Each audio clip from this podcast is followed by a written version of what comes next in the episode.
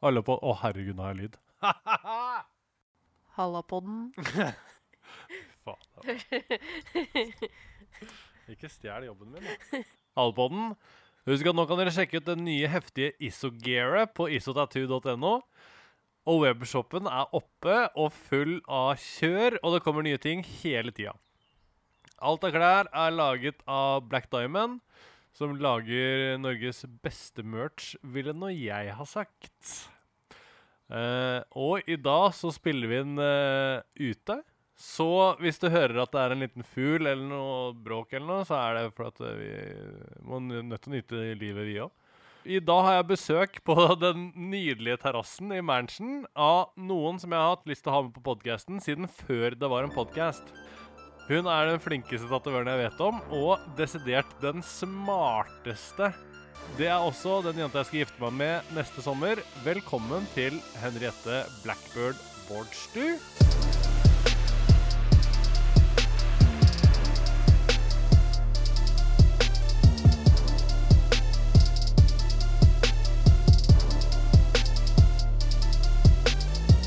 Takk for det. Takk for en veldig hyggelig intro. Ja, det er ikke noe kødd. Uh, så i dag så skal vi ha en liten episode hvor vi snakker litt om deg. Og litt om uh, tattoverden generelt. Og i dagens episode så har vi gjort noe helt nytt som vi aldri har gjort før. Vi har fått uh, lyttere til å sende inn uh, spørsmål, og fått jækla mye spørsmål. Kjempemange. Nesten én million spørsmål, men eh, vi har valgt ut disse Vi har valgt ut de beste, da. Eller vi har valgt ut noen. Kan ikke du introdusere deg sjøl? Jeg er Henriette, og jeg er tatovør. jeg, har, eh, jeg har jobbet som eh, tatovør eh, i seks år. Ja. I Norge og en del i Italia. Reist masse. Og jobber mest i realisme og pene blomster og søte dyr og OK, så et av de hovedsegmentene da, som, eh, som vi har eh, fått litt spørsmål om, det er hvordan blir man tatovør? Nei, du må finne en lærlingplass, men det er jo ikke bare bare å uh, ordne det. Det er jo ikke bare å gå inn i et studio og si 'Kan jeg få lærlingplass hos deg?' Det er uh, uh, en sånn liten liste over ting som kan gjøre at du får et fortrinn i tatoveringsbransjen. Ja. Og det er jo den vi har lagd her i dag. Og Du har lagd Jeg bare si, er med, du eh, Jeg har lagd, og du tar cred for. Ja. Som vanlig. Når jeg skulle lage den lista her, så tenkte jeg det aller første det er at eh, man må tegne masse. Mm. Du må se litt på Se litt på liksom tatoveringssider, altså sånn Instagram og Pinterest og sånne ting, og så bare tegn masse. Prøv å liksom få en eller annen form for forståelse for liksom linjearbeid og skyggelegging og sånn. For da, hvis man har lyst til å bli tatovør, så er det jo eh, Det mange gjør, er at de bare sender en DM på Instagram, og så sier de Hei, kan jeg få lærlingplass hos dere? Ja, det blir tatt eh, veldig godt imot. Og, da, og hva skjer da? Jo, da blir det et nei fra meg. Det, det holder ikke å sende, sende DM klokka halv fire på natta på en lørdag dretings eh, på, på Jegermeisterfylla og hisse på grøten. Da må man liksom ha Det må uh, i en prosess. Og Mm. prosessen begynner med å gå litt i seg sjæl. Og tegne litt. Gjerne mye. Hva er det neste på lista? Det neste, når du har, uh, når du begynt å tegne litt og sånn, det er jo uh, det her å lese seg litt opp på tatoveringshistorie. For det, er et sånt mangfold av interessante temaer.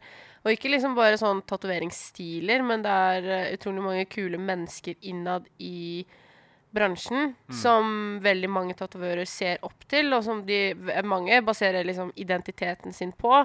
Og alt eh, det du gjør når du følger den lista her, er, er jo for å gi deg et fortrinn i denne jakten på eh, en eh, lærlingplass. Så Ja. det å faktisk da kunne eh, quote noe, eller ha en eller annen form for kul informasjon, ikke sant, Ja. eh, er jo et fortrinn. Og så når du har gjort eh, litt research og tegna litt greier, hva gjør man da? Da gjør du litt eh, enda mer research. Ja. Masse research eh, på eh, tatoveringsstudioer rundt deg. Altså, eh, det fins veldig mange tatoveringsstudioer der ute, men du vil jo ikke uh, være lærling i et dårlig studio. På vil, dritt, dritten tattoo er på du dritten tattoo vil du helst ikke være lærling. Det, det er jo ikke liksom bare fordi det er Kanskje ikke de er liksom verdens flinkeste til å tatovere, men det er Mm. noe med å være hos noen som faktisk kan lære deg. Noen som har erfaring fra tatoveringsbransjen. Mm. Så det å være lærling hos noen som kanskje har vært tatovør i to år, er ikke det samme som å være lærling hos en som har vært tatovør i ti år. Nei, Eller i 15 år, da, sånn som deg. Du som har jubileum i år. Gratulerer eh, med det. takk for det. Ja, og så er det noe med at uh, man får jo liksom bare én sjanse på å bli liksom introdusert ut i verden som tatovør. Så hvis du da bruker din sjanse på å starte karriere og bygge opp ditt rykte på å være lærling i et studio som er litt frønsete, da, så kan det jo være at uh, man flere år etterpå så har du fortsatt det stempelet på deg. At Mm. 'Å ja, er ikke du han som jobba på det der eh, ræva tattoo nede på kaia der?' eh?» jo, det er, det er jo meg, det. Ja, ja. Har det blitt noe bedre siden altså, Kanskje man har vært flink hele å, å ha peiling på det man driver med, men uh, man uh, blir farva av et uh, studio som, eller et opplegg som allerede er der fra før. Mm. Altså, altså, en stor del av det å være lærling, som vi kommer tilbake senere, er jo å gjøre ganske mange drittjobber. Og du vil jo ikke være i et studio som utnytter deg for at du skal gå ut med søpla, vaske og alt det der, men de lærer ikke deg noe tilbake. Ja, det kommer litt senere. For det neste steget, når man øh, da har funnet OK, si så det er en eh, sju-åtte studier i, i nærheten, da. I løpet av en liten kjøretur. Mm. Og du har funnet ett studio som er liksom OK, her, det her, er, her er sakene. Her er de flinke. Hvis jeg skal gjøre det her, så føler jeg at det er det studioet jeg burde være i. Uh, hva gjør du da? Du har plukka ut number one spot, og Da- så Det, da begynner du å tatovere deg. Ja. Hvor? Masse. På det stedet. Ja, nettopp, ja. Ja. Og la være å sende DM først, på dritfylla, på Jegermeisterfylla. Bare bok deg en helt vanlig time. Mm. Begynn å tatovere deg. Bli kjent med disse tatovørene som du ser opp til. Gjør et godt inntrykk. Det har mye å si. Ja. Det er jo liksom en sånn pre-jobbintervjusituasjon. altså det å gjøre et godt førsteinntrykk og vise interesse for faget og være liksom høflig og ordentlig og liksom Ja. Alle de tinga som man gjerne liksom En vanlig arbeidsgiver også ser etter. Ja. Det er greit. vis deg fra din beste side. Det er ikke verre enn det, liksom. Ikke kom, eh, ikke kom til timen din eh, liksom bakis. 20 Eh, minutter for seint, eh, ja, liksom med buksa feil vei, og ikke dusja på 14 år. Det er ikke bra. Det er favorittkunden. Ja, altså liksom, når du har gjort det her en stund, da, så liksom tar, tar, tar kunsten til de, de her folkene du ser opp til. Ber du om input på de tingene du allerede har tegna, og fortsatt har tegna på. Det, du trenger ikke å spørre liksom med en gang Hei, kan jeg bli lærling? Men heller legg fram sånn Ja, jeg også tegner, ikke sant? Eller jeg, jeg ser så opp til det, det du gjør. Kan du komme med noen tips til meg? Den tror jeg er ganske viktig. Ja. Det at du faktisk har Du, du viser at du legger frem eh, liksom legger liksom en innsats i tegningene dine og det faget her. Og når du da får tips, ta de tipsa eh, ta, Legg de inn i harddisken, og så gjør noe med det. Og så kan du seinere komme en annen gang så kan du si sånn Hei, husker du sist gang så sa du sånn at eh, når jeg gjør sånne her ting, så burde jeg gjøre de eh, dolkene den der veien og rosene sånn. Ja, nå har jeg gjort det. Se åssen det ble. Bling, bling, ikke sant? Så da er du i gang, og så imponerer du litt. Så er du på en måte allerede i gang med å vise fram at du kan lære. Enda du har ikke lærlingplass engang. Mm. Fy faen. Life hack. Life hack. Og så er jo liksom Du kan jo holde på med det her så lenge som du føler at det er chill, liksom, men uh, uh, når det kommer til alt, så er det sånn Når du skal spørre, så er det er bare å spørre når du er uh, i denne prosessen. Det verste som skjer, er jo at du får et nei. Ja. Eh, eller et fuck off, eller det spørs jo eh, hvem du spør, liksom. Eh, men det betyr ikke at du skal gi opp. Veldig mange gir jo opp med en gang. Mm. Eh, men du er jo spesiell. Du er jo den som skal skille seg ut og få denne drømmejobben. Ja, altså, men det er jo også noe med at hvis man eh, hvis, hvis det er sånn at du har drømt hele livet om det her, og det her er alt du vil, og liksom du er klar for å jobbe så hardt for å få den lærlingplassen for å bli tatovør og leve det livet, og så er det en tatoverer som sier ah, nei, ikke hos oss, å, da rakner alt. Mm. Da var du ikke egentlig så klar. Da var ikke så hissig på grøten. Det gjorde ikke så mye jobb. Vi spør om det, og så ah, nei takk. Og så ah, ja, ja, det blir ikke noe, da. Det er jo litt den lista her handler om. At det, det, eh, du, kan jo, eh, du kan jo sende oss en melding og si 'jeg har drømt om dette her hele livet'. Mm. Eller så kan du bevise at det her er noe du drømmer om, ved å gjøre de tingene som trengs for å få en lærlingplass. Ja, ja. Og der er jo eh, vi allerede nå i gang, ikke sant? Du har jo vist eh, du, du har vist deg fra en bra side. Du har begynt å ta tatoveringer og eh, har vist fram tegningene dine, og, de, og den tatovøren du ønsker å være lærling hos, vet allerede hvem du er. ja, ja. Eh, og da kan det hende at det var dårlig timing. Kanskje de har en annen lærling fra før av, eller eh? Kanskje de skal eh, bo en måned i Italia og eh, ha fri, så det passer litt dårlig. Men det betyr jo ikke nei for alltid, og ja, du må liksom bare ikke gi opp. Du Mm. kan også bruke den muligheten Og det var det jeg tenkte når jeg var på jobbintervju hos deg. Ja. var jo at jeg kommer jo aldri til å få denne lærlingplassen, men jeg bruker det her som en del av læringskurven. Hvordan få en lærlingplass? Ja. Hvordan skal jeg oppføre meg? Hva er det jeg trenger? Hva er det jeg har gjort feil til nå? Ja. Og så var jeg så heldig og fikk det til på første forsøk. Men hvis jeg ikke hadde fått den lærlingplassen, så hadde jeg jo ikke liksom gitt opp. Nei, for det er, jo ikke så, det er jo ikke sånn at hvis man ikke klarer en ting på første forsøk, da er man så dårlig i det at da må man bare gi opp. Hadde det vært snakk om noe hva som helst annet, så hadde det vært OK, nå må du gjøre det igjen, da. Nå veit du hva du ikke skal gjøre. Eh, men si at eh, han der eh, gamle uh, barkeren med hockeyen som du har lyst til å gå i lære hos, eh, sier Ja, greit for meg. Gratulerer. Hva skjer da?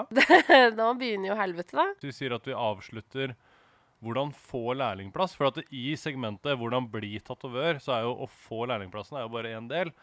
Det neste er jo når man har fått lærlingplassen, hvordan skal man uh, gå veien videre derfra? Um, jeg har liksom noen ting som jeg skulle ønske at jeg visste før jeg ble lærling. Ja. Og det er jo um, hvor mye jobb det egentlig innebærer. ja, det er et helvete. Ja, for du må være klar for å jobbe hardt. Og du må ofre ekstremt mye tid. Så det her er ikke, det her er ikke liksom Du har akkurat fått en kid og eh, har tre fra før av og er aleneforsørger. Og nå skal du bruke et år av tida di på å ikke tjene penger, men å være et sted 14 timer i døgnet hver eneste dag.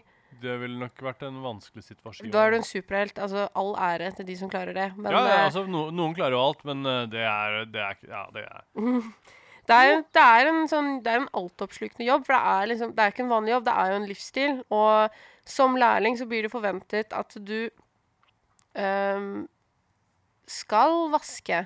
Det skal være klart. Du skal sette opp utstyret. Du skal ha kontroll på alt av sånn lagerbeholdning og sånne kjedelige ting, ikke sant. Så uh, hvis tatovøren som du er lærling hos, begynner klokken 11, så må jo du i hvert fall være der klokken 10 eh, og sette opp, vaske, gjøre i stand, gjøre klart alt det som skal være på stell før kundene kommer. Mm. Og må være der og tilgjengelig hele dagen, og så er den tatovøren eh, ferdig og skal gå hjem og legge seg og slappe av, liksom. Så må du bli igjen og ta ned utstyret, vaske og, og liksom gjøre i stand til neste dag. Ja. Eh, og, Og det er på en måte en sånn todelt greie, da, at man på en måte betaler jobb for å få den kunnskapen Mm. som man vil ha, men også det at man må jo faktisk lære å gjøre den Man må lære hvordan man skal vaske, hva man skal gjøre, Uh, hvordan man skal altså, sette opp og ta ned utstyr, og liksom all, hele den bakgrunnsprosessen Ja, for det, alt det her har jo en mening. Alt hygiene- ja. bak det. Du bruker jo ganske lang tid på å lære alt og hvorfor ting er som det er. Ja. Og det her er jo også en av grunnene til at man burde gå til en ekte tatovør, og ikke en som eh, jobber i, på kjøkkenet sitt. Fordi du ehm, bruker utrolig mye tid på å lære hygienereglene rundt det å tatovere. Mm. Og det er ikke liksom bare en YouTube-video. Og det kan jo liksom føles kanskje litt sånn urettferdig. At man liksom Å, hvorfor tjener jeg ikke noe penger, og jeg jobber jo bare gratis for de og får ikke noe igjen. Men um, det her er jo på en måte din også form for betaling for den utdannelsen. I USA så er det folk som liksom betale 5000 dollar for å, for å få en lærlingplass. Ja, det er faktisk det er ganske vanlig. Mm. I Norge så ser man jo på du har, du har jo ikke, Det er jo ikke sånn at du går i lære i et tattostudio, og så er det det samme som hvis du går i lære som elektriker. Uh, når du går i lære i et tattostudio, så er det det samme som når du går på skole For å bli lærling. for å bli lærling og lærling Mm. i samme smæla. Så eh, det er jo en veldig sånn intensiv uh, greie, da. Men det er jo også det at man, da får man jo én-til-én-undervisning på alt. Så du går uh, undervisninga går jo mye raskere. Så du slipper å gå to år skole, to år lærling, vær så god, her er du tatovør. Mm -hmm. uh, det går an å speede opp det litt, da, for du, du kan gå videre til neste steg med en gang du er klar. Mm. Så Er det noen mer smarte ting som du skulle ønske du visste før du ble lærling? Ja, eh, mange ting. uh, det er veldig kjekt å ha en side business, altså jobb som ekstrahjelp et sted for å få inn de ekstra pengene, lommepengene du trenger, liksom. Ja. Men ikke som er på dagtid når du skal være på jobb. Litt mer rundt det her med at det er en livsstil, da, og ikke bare en jobb. Sånn at eh, du er ansiktet utad for ditt eget firma i, når du er tatovør, da. ja. Eh, hvis du er eh, sykt drita på byen og lager stor ståhei. Og så uh, ser den kunden du skal ha dagen etterpå deg, ute på byen Ja. er, Folk blir litt skeptiske. Ja, det blir dårlig stil. ja. Eh, så liksom tenk liksom at alt det du gjør, er liksom en del av pakka. Mm. Vær et bra menneske. Du kommer veldig langt med det, altså. Mm. Ja, det en annen en sånn ting som Jeg husker når jeg begynte som lærling, så var jeg Syns jeg det var Jeg, syns- jeg syns det var litt urettferdig. Hvorfor får jeg ikke lov til å begynne å tatovere med en gang? ja. Det tenkte jeg. Det var sånn Ja. den, noen av de første dagene. For da visste jeg jo ikke alt det andre bak. Så det er jo ting man skal være litt forberedt på. Det er ikke sånn at du kommer første dagen, og du får tildelt en maskin, og så bare vær så god, sett i gang. eh, eller Men det er fordi at du må jo vite hva alt er. mm, Og det er jo en veldig lang prosess som det er ikke noe vits i å gå inn på det her, men uh... Nei, det syns jeg ikke vi Det, det, det er ikke lov. jo en uh, På en måte Det er jo øh, Man lærer jo det man skal lære når man går i lære. Man lærer ikke det man skal lære når man hører på podcast. Det er jo en, en lang Det er jo en grunn til at det tar en stund før man får gjort sin første tatovering når man går og lærer. Ja, men det er også sånn så fort du får et slags overblikk over hvor mye det faktisk er å lære, Ja. så er det helt greit at Ja. ikke du måtte begynne å tatovere med en gang. For jeg husker den dagen du sa eh, Har du lyst til å gjøre din første tatovering? Da hadde det gått et år. Jeg hadde vært lærling, Ja, ja. og jeg var livredd. Jeg svetta som en gris og var dritstressa over at jeg nå endelig skulle tatovere. Ja, ja. Eh, men den tatoveringa ble jo fin. ja, ja. For jeg, nå, jeg visste jo hva jeg skulle gjøre, fordi du hadde jo lært meg opp i et år Mm. i forveien. Ja, altså, vi kan rappe opp den øh, ting jeg skulle ønske jeg visste før jeg ble lærling. Mm. Kanskje den mest sjokkerende tingen Jeg vet ikke om det var så sjokkerende for deg, eh, men for meg så var det det at man er litt terapeut for folk. Ja. Eh, em, jeg husker når eh, jeg skulle liksom begynne å tatovere folk, så var jeg litt spent på det her med å liksom eh, Det å skulle på en måte eh, være i nærheten av nakne mennesker, da. ja. Eh, som ikke er kjæresten din. Ja, ja. Uh, på en måte At det kanskje skulle bli litt rart. At det her med liksom intimsoner og uh, liksom at man føler på det, ikke sant? Eh, at bare, Og så går det, og så går det ett år, så er det bare Vrom, du bare ruller den stolen 10 cm foran den pikken og bare OK, fram med tusjen. Det går så utrolig fort, altså. Ja, men det var jo aldri noe problem. Men jeg tenkte Nei, at det var den intime tingen som skulle liksom eh, blir liksom Oi, shit, liksom går det bra at jeg tar deg på ryggen-tingen, Ja, ja. ikke sant? Ja, ja. Eh, men det er jo alltid denne altså, hanskebarrieren, og hud er hud, blir det jo veldig fort det. Og kropp er kropp. ja. Eh, så hvis eh, du kommer til en tatovør og er redd for hvordan kroppen din ser ut når du skal tatovere deg, så ikke tenk på det. For det har ingenting å si for oss, og vi eh, Har sett det meste før. Ja, vi har sett det meste før. Men det er den terapidelen av det, altså. Og det er en sånn sykt bra privilegium, på en måte. Jeg føler meg veldig sånn um, beæret over at folk stoler på meg. Ja, ja. Til at de ønsker å prate om private ting og sånn. ja. Uh, men det er liksom greit å være litt forberedt på. At sånn plutselig så er man og prater om været, og så plutselig så er det liksom liksom familietraumer eller et eller annet sånn superheavy som kommer, liksom. ja, ja. Du lærer jo å kjenne mennesker på et helt annet nivå. Det er ikke de vanlige sånn butikk- eller frisørpjatt. Det er sånn ekte Ja, for du, du, har, du har frisørpjatte, men, det, men en frisørtime varer jo bare en halvtime, ikke sant? Mhm. Så hvis du drar den ut i seks timer Og så er du ikke naken, Og og ikke sånn. og det har ikke vondt. Så hvis du drar den ut i seks timer isteden, ja, begynner å touche Det er, skal bare så vidt være borti et eller annet. Og i nærheten av et hint om et eller annet, og så plutselig bare plupp. Mm. Og så plumper man uti eh, med en setning, og så Ja ja, da var det gjort. Forresten, jeg er skapalkoholiker og har spilt vekk alle pengene mine på hest. Og ikke sant, det, jo, det går fort, altså. Det går dritfort. det skal ikke så mye til. Men det er jo sånn eh, Det gjør jo arbeidsdagene litt mer interessante òg, da.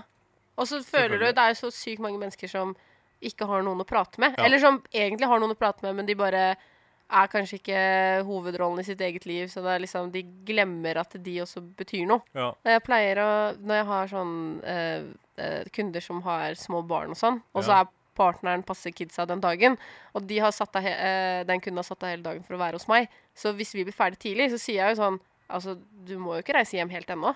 Du kan jo stikke Ikke si det og på podkasten.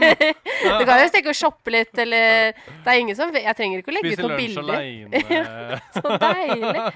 Men jeg trenger jo ikke legge ut bilde av hva vi har gjort helt ennå, liksom. Hvis Ja. du vil ha litt grann privat uh, tid. OK, så skal vi, skal vi runde av segmentet ting jeg skulle ønske jeg visste før jeg ble lær- lærling.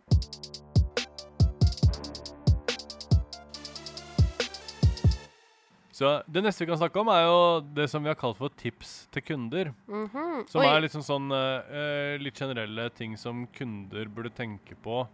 Uh, enten før de bestiller time, eller før de bestemmer seg for at de skal ta tatoveringen, eller i prosessen hvor de, hvor de skal i gang. da. Mm. Hva er de liksom viktige tinga man må tenke på som kunde? Det er jo å finne en tatovør som du liker stilen til. Som, du, det, altså, det hjelper jo ikke å spørre en eh, person som gjør traditional, og det er det eneste de gjør, til å skal gjøre liksom, portrett av barna dine. Yes. Eh, og da kan man heller ikke bli fornærma hvis de sier nei. Nei, for det kan Eh. være litt vanskelig. For mange er jo litt sånn allround-artister. Så, Som kan gjøre det meste. Og så da, da må man jo for det første gjøre litt research. Gå, gå på Instagram og, og og, se på portfolioen til folk på hjemmesider og sånn. Og så finn en artist som du, du liksom føler at det, Hvis du hadde dratt den artisten og bare sagt sånn Gjør hva du vil, så hadde du dratt derfra med noe kult, liksom. Mm. Den er bra. Uh, det neste Følg instrukser angående kontakt. Ja, fordi artister har jo forskjellige måter å booke ting. Ja. De, det er jo noen som bare har bøkene sine åpne fem minutter annethvert år, og så Ja. er det eh, sånn som eh, oss, som åpner den et par eh, det sånn tre måneder i- Sånn som vi gjør nå. Tre måneder i forveien, typ, Mm. så vi kan ha litt kontroll på livet og sånt. Og alt midt imellom, da. Mm. Noen kan du dra til på ganske kort varsel. Noen ganger kan du bare komme innom, liksom. Ja, Noen tre, trenger litt planlegging. Noen har eh, sånn uh, private lounge, eh, sånn som vi har, så du, du må booke time til konsultasjoner og sånn. Du kan ikke bare stikke innom og vise en tegning. Må planlegge det også. Mm. Så uh, finn ut uh, hvordan uh, den artisten du har lyst til å dra til, liker å gjøre kontakten, da. Mm. Altså syns jeg det er veldig viktig å være åpen for innspill om design. Sånn at dere, samar dere skal jo samarbeide om å lage noe kult. Mm. Og hvis du da er hos en bra tatovør, så vil jo de innspillene de kommer med, komme fra et bra sted. Ja. Så det er ikke liksom De veit mest sannsynlig hva de snakker om. mm. Men følg alltid magefølelsen din. Det er kanskje litt lettere når du har tatovert deg en del. Ja.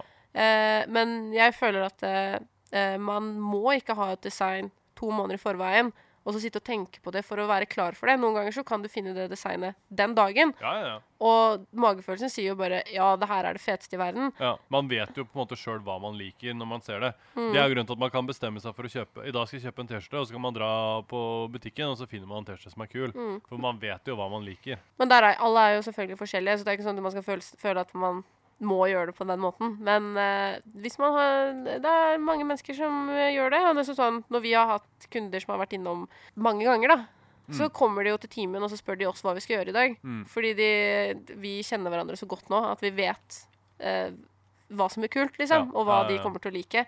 Og så er det noe med det her at en nei er nei. Ja. Eh, det er din kropp. Og jeg tror veldig mange er liksom redde for å eh, typ såre følelsene til tatovøren sin. Ja, ja. Hvis de har tegnet en tegning, og du kanskje ikke er helt fornøyd med den, eller noe sånt noe, eller du bare får en dårlig magefølelse. Dette mennesket her og jeg, vi viber ikke, liksom. Det her kommer ikke til å fungere. Mm. Eh, si nei. Mm. Eh, eller altså, selvfølgelig om, det, om denne personen er rett og slett slem. Mm. Eh, du skylder jo ikke den, den tatovøren noen ting. Det er bare å gå, tenker jeg. Ja, ja, ja. Eh, og det er liksom en av de tingene jeg føler er veldig bra hos oss. Ja. Bare for å liksom snikskryte litt. ja Men jeg får høre det ganske mye at folk føler seg komfortable når de er hos oss. Det er som å komme hjem til oss, og eh, det føles trygt. De kan si sin mening om det vi gjør, eh, og vi liksom Ja, vi, vi, vi liksom De stoler på det vi gjør, da, og de tingene vi sier. Ja, ja. Og det er veldig deilig, og det er sånn jeg skulle liksom ønske eh, det alltid var. Eh, jeg, har jeg har jo vært hos en tatovør som er superflink, ja, ja. eh, men skikkelig sur. Sånn at, Ikke bra. så at du liksom du er dritfornøyd eh, med tatoveringen, men opplevelsen var litt sånn rar. Ja, Og det, det var jo fordi at vi bare ikke hadde kjemi. ja, ja. ja. Og det er jo på oss begge, liksom. ja. Er det noen andre tips eh, man burde ha som kunde før man, eh, før man kjører på sin eh, nye tatovering? Ja, det er litt det her med kropp, egentlig. At det ehm, Som vi sa i stad, liksom, at vi har, vi har jo sett kropp. Vi har sett alle kropper. Ja. Um, så det er ingenting som er rart. Men det er uh, ofte folk sier sånn Jeg skulle ønske Jeg har så liksom lyst på denne tatoveringen. Jeg har så lyst til å gjøre det her. Uh, jeg har lyst til å ha en tatovering under brystene, da, for eksempel. Ja, ja. Uh, men jeg liker ikke brystene mine, så da kan ikke jeg ha det. Og så um, er det sånn Hva jeg kan se, det er jo absolutt ikke noe galt med den personen, men de har liksom gjort seg selv opp en sånn idé da, om at uh, disse Instagram-babesa sånn er jo så sykt fine, så det er bare de som kan ha det. ja. Men uh, sannheten er jo at de ser jo ikke sånn, sånn ut, de heller. De ser jo ikke ut sånn som de gjør på de bildene på internett. ja de ser jo helt vanlige ut. Ja, akkurat sånn som alle andre. Så uh, ikke vær redd for å ta ting fordi Og du ser ut sånn. de Instagram-babesa, de bader jo over akkurat de samme tingene. Så nei, gjør det man har lyst til å gjøre. Ikke tenk på det at eh, den ene tåa er for lang, eller at den er øra er skeiv, og den, den ene skuldra er er litt, eh, og den ene lenger opp enn andre, enn andre, og det kjøret der. Det er sånn for alle. Det er bare sånn livet er, det. Mm, gjør det for deg selv, sånn som man skal gjøre med alt annet i livet. Uh, det var egentlig mine tips til uh, kunder. Perfekt. Så da har vi um, mata gjennom de her liksom tre sånne store segmentene. Mm. Og så har vi ei smørbrødliste med sånne småspørsmål uh, i et segment som vi har valgt å kalle for Q&A. Kan vi ha sånn jingle her? Her kommer jinglen. Q&A. Q&A. Q&A. Så uh, vi kan jo begynne med spørsmål nummer én. Hvor lenge har du vært tatovør? Jeg har vært tatovør i eh, snart seks år. Og jeg har vært tatovør i 15 år. 15 år, altså. Det er jævlig lenge. Det, er jævlig lenge. Fem, jeg, er jo så vidt 15 år. ja, det, er, det er ganske bra gjort med tanke på at du bare er 25 år, tenker jeg da.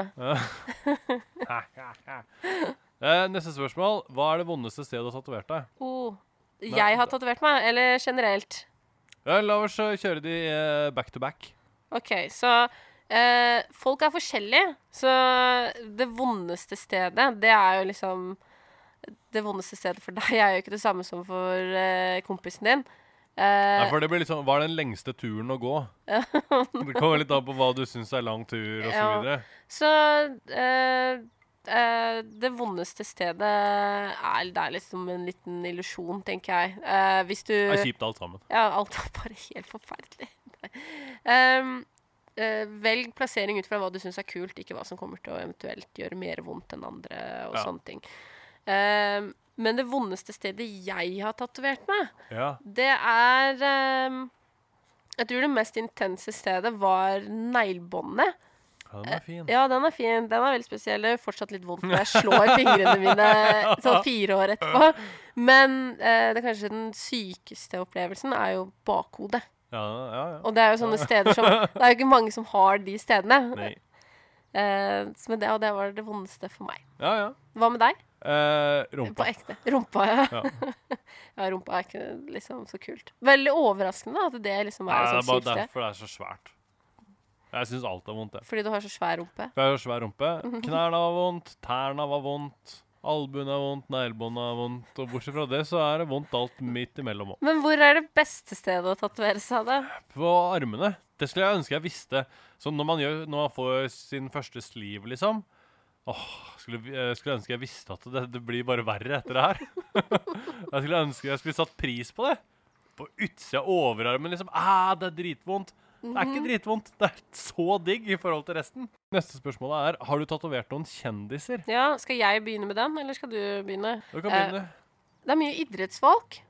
Mm. Eh, sånn uten å nevne navn, liksom. Det er ekstremt mye håndball- og fotballspillere som har spilt på landslag og i noen eh, Jeg vet jo ikke helt hva det heter for noe, men sånn verdenscuper og sånn. Så det er jo mye, er mye morsomt. verdensmestere. Ja, og det er morsomt. Ja. Ehm, og sånn, bortsett fra det, så har jeg på en måte ikke kanskje tatovert liksom, hva folk syns er liksom, definert som kjendis, men jeg har jo hatt um, uh, ektepar Ja. som er uh, sånn Guinness World Record holders. Ja, ja, For å være det eldste ekteparet som har besteget Mount Everest sammen. ja. Eh, og de er mye sånn på TV og har sånn Og- foredrag Men det er jo sånn. mye morsommere enn liksom at man sier sånn Han fra Paradise Hotel. Ja. ah, drit i det, da. Det kan godt hende det òg, at vi har hatt noen av de òg. Ja, jeg det har er, jo det. ja, det har du jo. Ja, og så har jeg mm, eh, Tatoveringene mine har vært masse på TV i det siste. Ja, det har jeg sett. Ja, på Naked Attraction, som går på Discovery Plus. Ja, Og det er jo sykt morsomt. Ehm, og det syns jeg var skikkelig stas. Jeg var sånn, når jeg så det Ja. For jeg, jeg visste jo at de skulle være med på det programmet, men de står og prater masse om de. ja. Og det syns jeg var skikkelig kult, for det var jo mange andre som hadde tatoveringer der. Ja. Uh, men det var uh, de tatoveringene jeg hadde gjort, som fikk masse skryt. ja, fordi jeg snakka med kunden min om det i dag, faktisk. Oh, ja. Og eh, da sa jeg det at eh, ah, 'Har du sett på det?' Han bare ah, 'Dritkleint'. Og så sa jeg sånn 'Jeg har fått uh, Henriette tatovert han ene som er med der'. Og, da, og han var liksom sånn Akkurat som at han kom ikke til å liksom vite hvem det var. Så sa jeg hvem tatoveringene var. Lion King-greiene og Mhm. Chess-pisen. Og han bare 'Å ja, det var det! Ja, det var dritfett!' Så han, med, han catcha jo med en gang hva det var, liksom. da ja. Så det er jo da i løpet av hele den sesongen det, det eneste han liksom hadde lagt merke til. da ja, det er sykt gøy. Men jeg synes jo, for, for vi har jo sett litt på det. Ikke bare den episoden der, men liksom sånn... jeg har sånn ikke sett den episoden. Nei, du har ikke, det er sant det. Du var jo på tur. Men vi har jo sett liksom noen av de første episodene, og det var litt sånn morsomt fordi eh, det er jo mange folk som har tatoveringer der. Nå Ja, ja. sidetracker jeg jo, da. Men vi hadde jo nesten litt sånn konkurranse med å gjette hvem som har gjort de.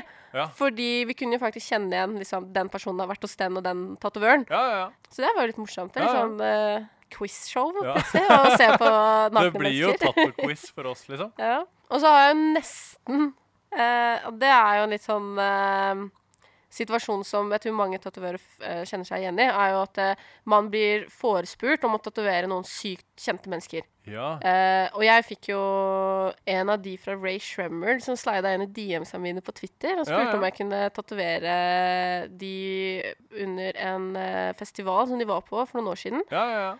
Og jeg var jo eh, ung og naiv og tenkte å bare fy søren, det her er det feteste som har skjedd, eh, skjedd, liksom. Så jeg liksom pakker med meg utstyret, og, for skulle jo på det, vi skulle jo på den festivalen uansett, så vi bare tok det med i bilen. Og det ble jo ikke noe av, for de var jo sykt opptatt hele tiden, sånn som det er. Så du blir jo eh, Hvis ikke du hadde vært såpass oppegående som du er, og erfaren, så hadde jo kanskje liksom jeg sittet og venta på de på et hotellrom i tolv timer. Istedenfor så hadde vi det så, så hadde vi det gøy. Vi var jo på festival, og, og det som skjer, det skjer. ja, ja. Eh, så det ble jo ikke noe av. Og så, eh, og så etterpå så fikk jeg forespørsel om jeg kunne eh, tatovere Post Malone av en av de som passa på han da, mens Ja, han var i Norge. ja, ja. Og tenkte sånn Yeah, right. Særlig, Ja. liksom.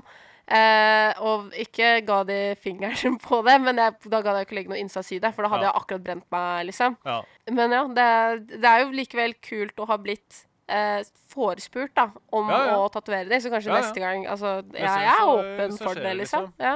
Hvem har du tatovert som er kjent til? Nei, alle sammen. Har du tatovert kongen? Ikke kongen av Norge, Nå, men jeg har tatovert kongen av norsk rap, Onkel P. Og jeg har tatovert eh, den, den nye kongen av norsk rap, Lars Ivelli. Og så har jeg tatovert han eh, kongen av rølp i Luksus leverpostei. Nå, og nå, ha- nå hadde jeg syntes det hadde- det hadde føltes så riktig at det var Staysman. ja, det er sant, det. Hvorfor har ikke jeg tatovert Staysman? Men skulle du Ja, men det Han har sendt kommer. meg en mail en gang. Ja, det kommer. Det er, lenge, det Staysman. er lenge siden. Staysman, kom. Kom, kom, kom. Eh, ja, nei, jeg har, den, den lista er lang. Har Eh, du tatovert deg selv? Er et spørsmål vi får Jeg mye. Har det, men det er jo bare drit. Det er jo som å bli tatovert og tatovere samtidig. Men du har jo eh, blitt tatovert av noen andre, ikke Ja. blitt fornøyd, og så fiksa på det selv. Ja. Eh, på liksom deler av kroppen som du ikke fysisk kan se selv. Ja, Så det er jo speil. ganske Ja, med speil, og det blei bedre. Ja. Fordi Ja, ja, men sånn er det. Noen ganger så er jeg flinkere enn andre tatoverer med speil når jeg gjør det sjæl, enn de er eh, i sitt ess. Det er bare sånn livet er. Men det er sånn vanlig spørsmål. da. Har du tatovert deg selv? Og eh, Det kan jeg svare nei på. Det har jeg aldri turt. Det, det er veldig sjelden vits. Det er ikke så spennende, liksom. Uh, hva er den kuleste tatoveringa du har gjort? Hvorfor skal ikke jeg spørre deg? det, er- det er, eh, det er altså, Du har mye å komme med, du òg. Det er ikke Henriette-podden, det er Tattoo-podden. Jo, det er en rett på den nå. Uh. Jeg vet ikke hva det, det kuleste jeg har gjort. Jeg har gjort så jævlig mye. Jeg syns det som er kult Det som er kult, er sånne her ting. Eh, her om dagen uh, så så jeg en sånn uh, animert Animert video som de FaceClan-folka hadde til noe greier. Mm. Jeg husker ikke hva det var for noen gang. Men jeg syns det er kult når du ser liksom sånn jobb som en eller annen sånn grafisk uh, designer-keys da sittet liksom i time etter time etter time og gjort noe, for det var jævlig bra gjort. Og laget et prosjekt da, hvor de har animert den tatoveringa du har gjort på de. Eh, det det syns jeg er morsomt. Mm. Og samme med den der uh, eh, reklamevideoen som Skatteetaten gjorde sammen med Onkel P nå for litt siden. Da også er det kult når, ta, når, liksom sånn, når du ser tatoveringene dine animert på, som en tegnefilm, liksom. Det er ganske stas. Det er nok ikke så veldig mange som kan si at de har eh, Ja. fått gjort. Eller sånn som den der backpiece, asspiece-greia jeg gjorde, som fikk liksom mange, mange millioner likes og delinger og hva en sånn piss på internett, liksom. Ja, det det uh, ene bildet av den er jo liksom oppi der med liksom de mest likte bildene noensinne på Instagram. Sammen Ja. med liksom uh, Kylie Jenner og sånn, liksom. Uh, ja, nei, jeg vet ikke. Hva er, din, hva er dine? Jeg har gjort så masse kult. Jeg har så mange kule kunder. Um, jeg føler jo kanskje det som gjør at jeg blir mest gira, er jo de som vil ha liksom eh, pene damer eller kule dyr og sånn sjikano-ting og sånn. Det elsker jeg å gjøre. Det kan jeg gjøre hver eneste dag. Ja, Så ja. det, jeg elsker å gjøre alt det vi gjør, men det er liksom noen ting som eh, Det er en av de tingene jeg sitter og tegner på fritida mi, liksom. ja. Um, men jeg har liksom prøvd å tenke litt på det, for vi har jo flere tatoveringsrelaterte spørsmål her. Eh, jeg er veldig fan av det vi gjorde Eller det jeg gjorde på han som var med på Naked Attraction, for der har vi eh, samarbeida, jeg og kunden, Ja, ja. veldig om å finne litt sånne stilige motiver Så i sånn. den her På Instagrammen vår så ligger en post til denne episoden. Hvis du ruller til høyre, så ser du enten et lite bilde eller en video fra den Extra Traction-greiene. Jo, nå ser jeg. Eller kan du gå på Discovery Plus også, sin Instagram, og så ligger det der. Ja, ja, ja. Eh, men på den så er det sykt mange eh, kule motiver. Men på baksida av albuen hans så har han en eh, eh, tatovering av Tom, som i Tom og Jerry, den katten, eh, som har en sånn eh, sånn fittegris, eller hva jeg skal si. eh, og sånne kule sånn små sånn 90-talls solbriller-typ. Raske briller. jeg har liksom piercing i ørene og grills med sånn diamanter i og sånn. Eh, og den er så sykt morsom, så hver gang jeg ser den, så ler jeg jo. ikke sant? Så det er, sånne ting er veldig morsomt. Hva er det rareste du har gjort, da? Det er én ting som alltid liksom eh, stikker seg ut der, som jeg gjorde for mange år siden. Ja. Det er, altså vi fikk, vi fikk en mail da, av en jente som eh, eh, hadde en sånn smørbrødliste over ting som hun skulle ha med seg. Og eh, det skulle da være en uh, pinup, eh, og denne pinupen skulle ha på seg en bunad. Eh, og den bunaden skulle ikke ha skjorte, for puppene skulle liksom være ute. Eh, og hun skulle ha på seg en sånn derre tradisjonell sånn nederlandsk hatt, sånn som nederlenderne sine bunad, da. På en Ja, måte ja. nasjonaldrakt. Ja, ja. Altså et par tresko. De treskoa skulle stå ved siden av. Hun skulle ikke ha de på seg, men de skulle være med.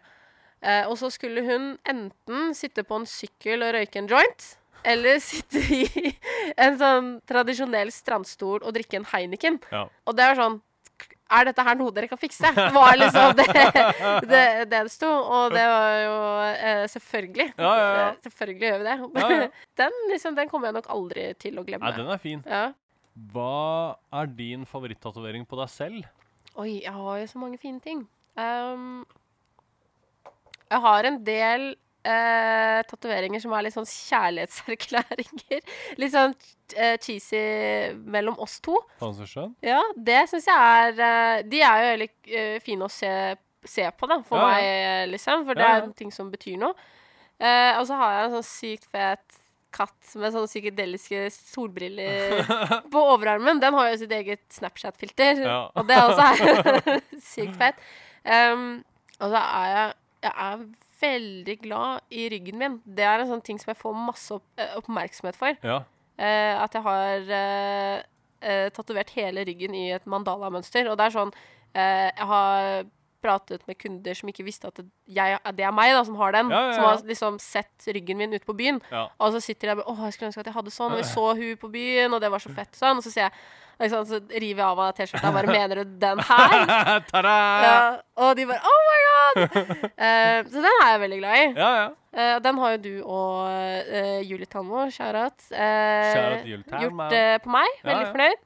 Hva er den sykeste historien du har hørt fra en kunde? Fra en kunde. Ja, Jeg vet den sykeste historien jeg har hørt fra kunden, en kunde av deg. OK.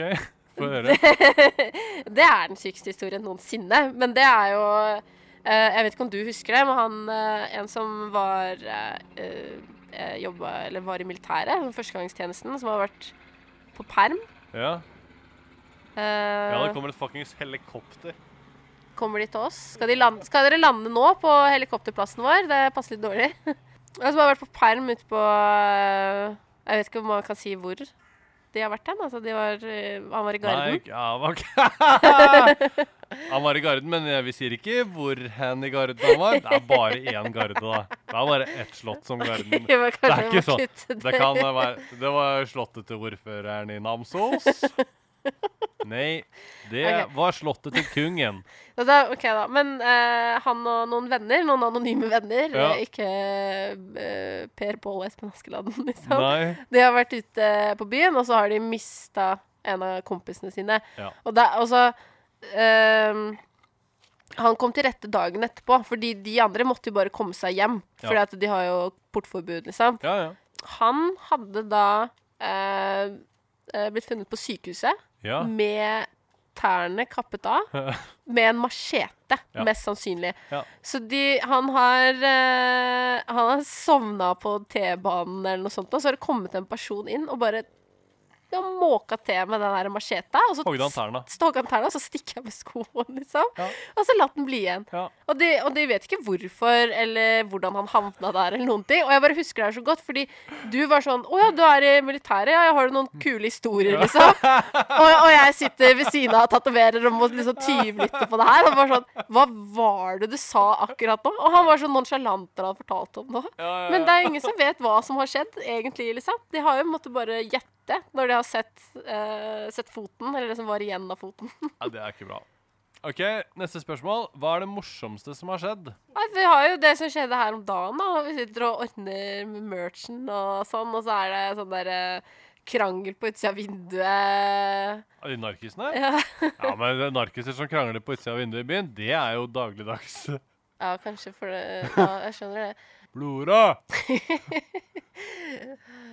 Tannløse Ja, jeg husker ikke. Det var mye, det var mye skjellsord. Jeg Ja, lærte ja, masse nye skjellsord. Dagen.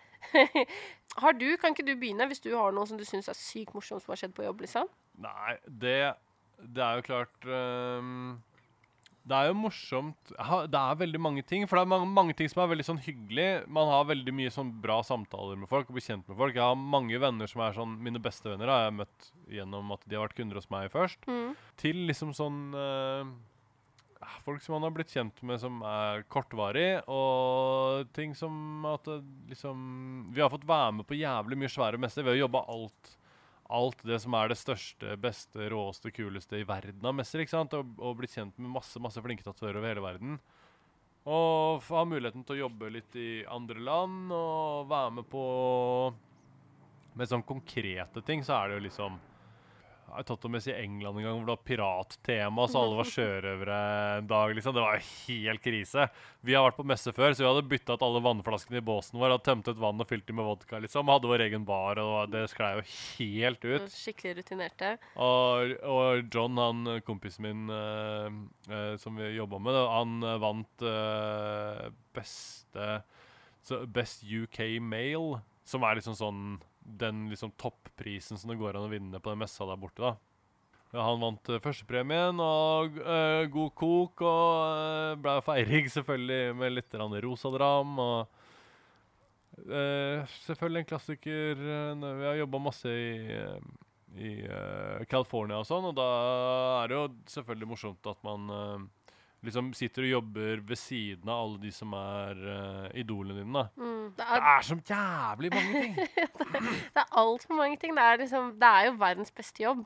Eh, og når vi sier at det er, det er så sykt vanskelig og det er ikke noe vits i å prøve engang, så er det bare fordi vi, vi har det morsomt sjæl. ja, men det er jo vanskelig å bli rockestjerne òg. Ja. Men det er jo gøy å være rockestjerne også. Mhm. Så det at det er vanskelig å bli det, betyr jo ikke at man skal ja, la det være. Mm. Jeg synes jo, Det er jo så mange sykt eh, morsomme sånne små hendelser som man liksom eh, tar med seg videre. Ja, ja. Um, sånn som eh, den ene gangen vi var på tatoveringsmessa i Roma, ja. hvor eh, han på den eh, ene tatovøren på den andre sida som satt Altså her har vi jo sånn 300-400 tatovører som er en av liksom, er Italias største 400, største vet du. Ja, en av de største liksom, convention-hallene da, i Italia, Mm. og tatoverer og sånn. Og så sitter man på sånne rader eh, bortover, og så er det da rett ovenfor oss så sitter en fyr, og så skal han liksom riste på blekket, eller han mister blekket, og så eksploderer det. og han eh, eh, Tatoveringsblekk, det har mye Og han er lærlingen til han som har den båsen. Det er god stemning. Og det, er, det pigmentet er så konsentrert at du får én dråpe et sted, og så begynner du å vaske på det, og da ser det ut som du driver med akvarellmaling. ikke sant? Det blir bare mer og mer. Jo mer du vasker, jo mer farve blir det. Og han spruta ei hel jævla flaske med oransje eller rundt i den båsen. Ja, og på sjefen sin. faen, de vaska hele helga. Men han hadde jo det i hele ansiktet, Ja, ja, han der han har det læremesteren. Til den dag i dag. Han blir bare kalt for sånn ompa-lompa. Donald Trump er andre tilnavn, liksom. Eh, Det er et spørsmål som er eh, Jeg ønsker å ta min første tatovering. Burde jeg velge å ta et lite motiv som den første? Ikke nødvendigvis, altså. Nei, jeg syns egentlig ikke det. Um, den har liksom eh, Jeg har lyst på sliv, men jeg skal bare ta en liten ting først. Ja, Du ødelegger jo sliven Ja. da, med å putte den lille tingen der. Mm. Det blir ikke noe liksom mindre skummelt av å ta en liten en først, og så skulle ta en sliv. Um, og det, altså, helt ærlig, det er egentlig ikke så skummelt. Altså, det, det aller skumleste med å tatovere seg er rett før. Når, når du ikke du vet da, hva er det som skjer, hvordan kjennes det ut, hvordan blir det her? Altså Alt det man bygger opp inni seg selv, det er det skumleste. Ja, for å tatovere seg det, jo, det skumleste er jo ikke å faktisk tatovere seg. Nei, ikke i det hele tatt. Så jeg tenker, hvis du øh, har lyst til å ta din første tatovering, og din første tatovering øh, er en sliv, så bare gå for en sliv. Ja, man bare kjøre på. Du klarer det. Men hvis, din, eh, hvis du har lyst til å tatovere deg, og din første tatovering eh, du vil at det skal være noe småtteri, ja, ta noe småtteri. Det er jo ikke verre enn det. Men eh, Gjør det som føles riktig for deg. Det er vel egentlig det riktige svaret. Vi har fått Jeg er inne på Instagram og jeg Twitter bare ble litt stille, for jeg så Lucifer har tagga meg i nye podkasten. jeg kan annonsere det her nå. Det er, jo det er en bra ting å annonsere ti minutter før denne episoden er ferdig. Uh, hvis du etter å ha hørt denne episoden, så kan du switche rett over til Stengt bar med en gjest, og så kan du høre enda mer tjatter med meg der. For nå er uh, min episode på eh, Stengt bar med en gjest med Lucifer ute på internett. Da vet jeg hva jeg skal gjøre etterpå, i hvert fall. Kjør! Vi kan også brenne videre til Det er et spørsmål som er hvorfor ble du tatovør? Og det er liksom sånn For én ting er jo hvordan du blir tatovør. En annen ting er jo hvorfor man gjør det. Hvorfor ble du tatovør? Åh, det er et komplekst spørsmål, men det var Det føltes så riktig. Ja. Jeg har jo gått noen langrunda rundt, da. Jeg har jo hatt eh, masse jobber før jeg turte å satse på det her. Ja. Fordi alltid Jeg hadde så lyst på tatoveringer fra jeg var kid, liksom. Jeg gleda meg til jeg skulle være gammel nok til å kunne ta sånn uh, tramp stamp og, og det greiene der. Eh, Erskevær. Erskevær. Um, men jeg turte ikke. Alltid, alltid malt masse. Alltid gjennom hele livet. Uh, og liksom fått den derre Du er kjempeflink til å tegne, Ja, ja. Uh, men du må ha en ekte jobb. ja. Uh, og trodd det, da. At det er sånn det må være. ja, ja. Så jeg har jo vært eh, alt innenfor bar. ja. eh, og jobba med det i mange år. Og blitt eh, utdanna som eh, laborant og eh, liksom ingeniør og sånn i Men veit du hvordan eh, laboranten kom seg rundt labyrinten? Det er det første du lærer, da. Det er å labbe rundt den. Kjør. Ehm, jeg har jo jeg har, Jeg har jobba som journalist og fotograf, og jeg jobbet i en eh, erotisk butikk på her, ja. i to uker. Ja, ja. eh, som jeg faktisk ble headhunta til. Det var jo veldig morsomt. ja, ja. Uh, jobbe, ja, liksom jobba med nettverksbygging og vært uh, uh, selvstendig næringsdrivende innenfor masse andre ting. Og har eh, arrangert festivaler og konserter med noen av Norges største artister. eh, og fått utrolig mye livserfaring fra det. Men det jo, alt det var jo ikke riktig for meg. Nei. Så det er liksom den, eh, eh, en lang historie kort. Eh, det var det eneste riktige. Og det er den ting Det å bli tatovør er det jeg har jobbet hardest for å bli. Ja. Og det er den som har gitt meg mest, uten tvil. Neste spørsmål. Hva er en god plassering for den første tatoveringa? Da tenker du kanskje på sånne steder som ikke er så vondt. Altså Eller hva? Altså Nei, altså det er spørsmålet. Så det her er jo spørsmål som folk har sendt inn. Men ja. uh, uh, Så det, det vil jo da en god Hvis du da tenker en god plassering for den første tatoveringen, og den, den ikke skal være så stor, da blir jo liksom spørsmålet kanskje hvor kan man ta en tatovering som ikke trenger å være så stor? Og da er det jo sånn type håndledd, eh, ankler, mm, liksom uh, Steder som ikke går så liksom utover eventuelt større design Ja, senere, liksom. Ikke store, uh, store, glatte flater. Der vil du ikke ha noe smått. Du vil ha det ned i et hjørne. Du vil ha det i en krok, liksom. Du vil ha det et sted hvor at det ikke er så mye annet uh, som skjer. mm. Hvor på kroppen er det mest utfordrende å tatovere? Med unntak av nedentil, med latter-emoji med en sånn der liten svetteperle. Hvem er, det, er det noen du kjenner som har sendt det? Nei, Så jeg, jeg vet hvem det er. Han har, han har en podkast Han har en kjent podkast, han også, som sikkert lytterne også hører på. det mest utfordrende stedet, uh, det er uh, sida av ribbeina og, og midjen, altså. Fordi jeg må sitte så rart. Ja. Så når jeg er ferdig med å tatovere, så er jeg 98 år gammel. Ja.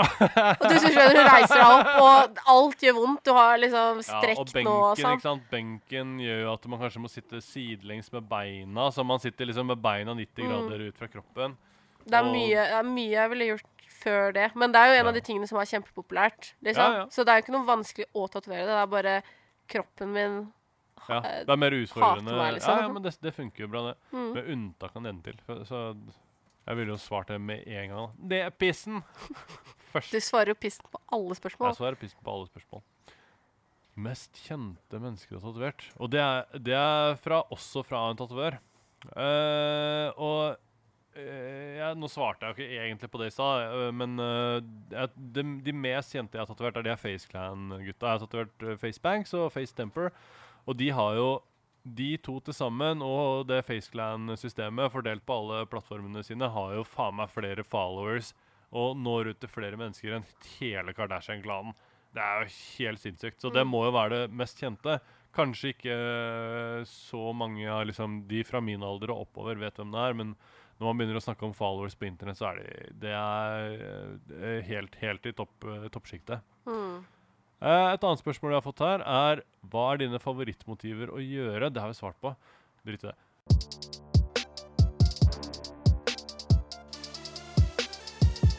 Husker du um, det, det har ingenting med det her, og du kan putte det inn eller slette det. Ja, men jeg må jo klippe det jeg Ja. sa akkurat. Ja, ja, men uh, uh, uh, du skal referere til det som eh, Anders eh, eh, klipper vekk akkurat nå. Ja. Eh, var jo eh, hvor eh, bredt norsk kultur spres. For vi har jo vært eh, og, og jobba på masse forskjellige messer. Og vi var på en messe på den andre sida av Europa. Og så var det en av tatovørene som hadde masse flash og klistremerker og sånn. Og det var eh, sånn eh, turboflash Ja. og stickers. Og han var liksom eh, den største turbofanen på utsida av Norge, typ. Og eh, ja, det var kult. Og er bare å kutte Det er bare å kutte. eh, eh, men også når vi var i eh, Når vi var på um, I den episoden som kommer nå snart, så møter vi uh, en av de gutta som jobber på uh, High Voltage, også kjent som LA Inc. Uh, Studioet til Cat Von D. Han er leder for Turbojugend Death Valley Chapter. Det er kult. Å ha turbotatovering. Det er helt rått. Ja, det var gøy. Så øh, jeg lurer på om vår uh, lille uh, Vet ikke hva vi skal kalle det. Tato spesial begynner å nærme seg slutten. Ja, det ser jeg føler jeg sola begynner å gå ned bak Ja, jeg ser fjellet fjellet her òg. det er akkurat snuta på oppsida av skyggen. Så jeg tror vi skal si takk for oss. Det var veldig veldig hyggelig å ha deg som gjest. Takk i like måte. Det var veldig hyggelig å få lov til å være gjest. Og jeg tror vi Jeg må gjøre det igjen en annen gang med Ja. nye spørsmål. Ja, gjerne det. Jeg kan prate om hva som helst, ja. Takk for oss, podden. Ha det bra. Ha det! Det var den tredje gjesten. Gucci!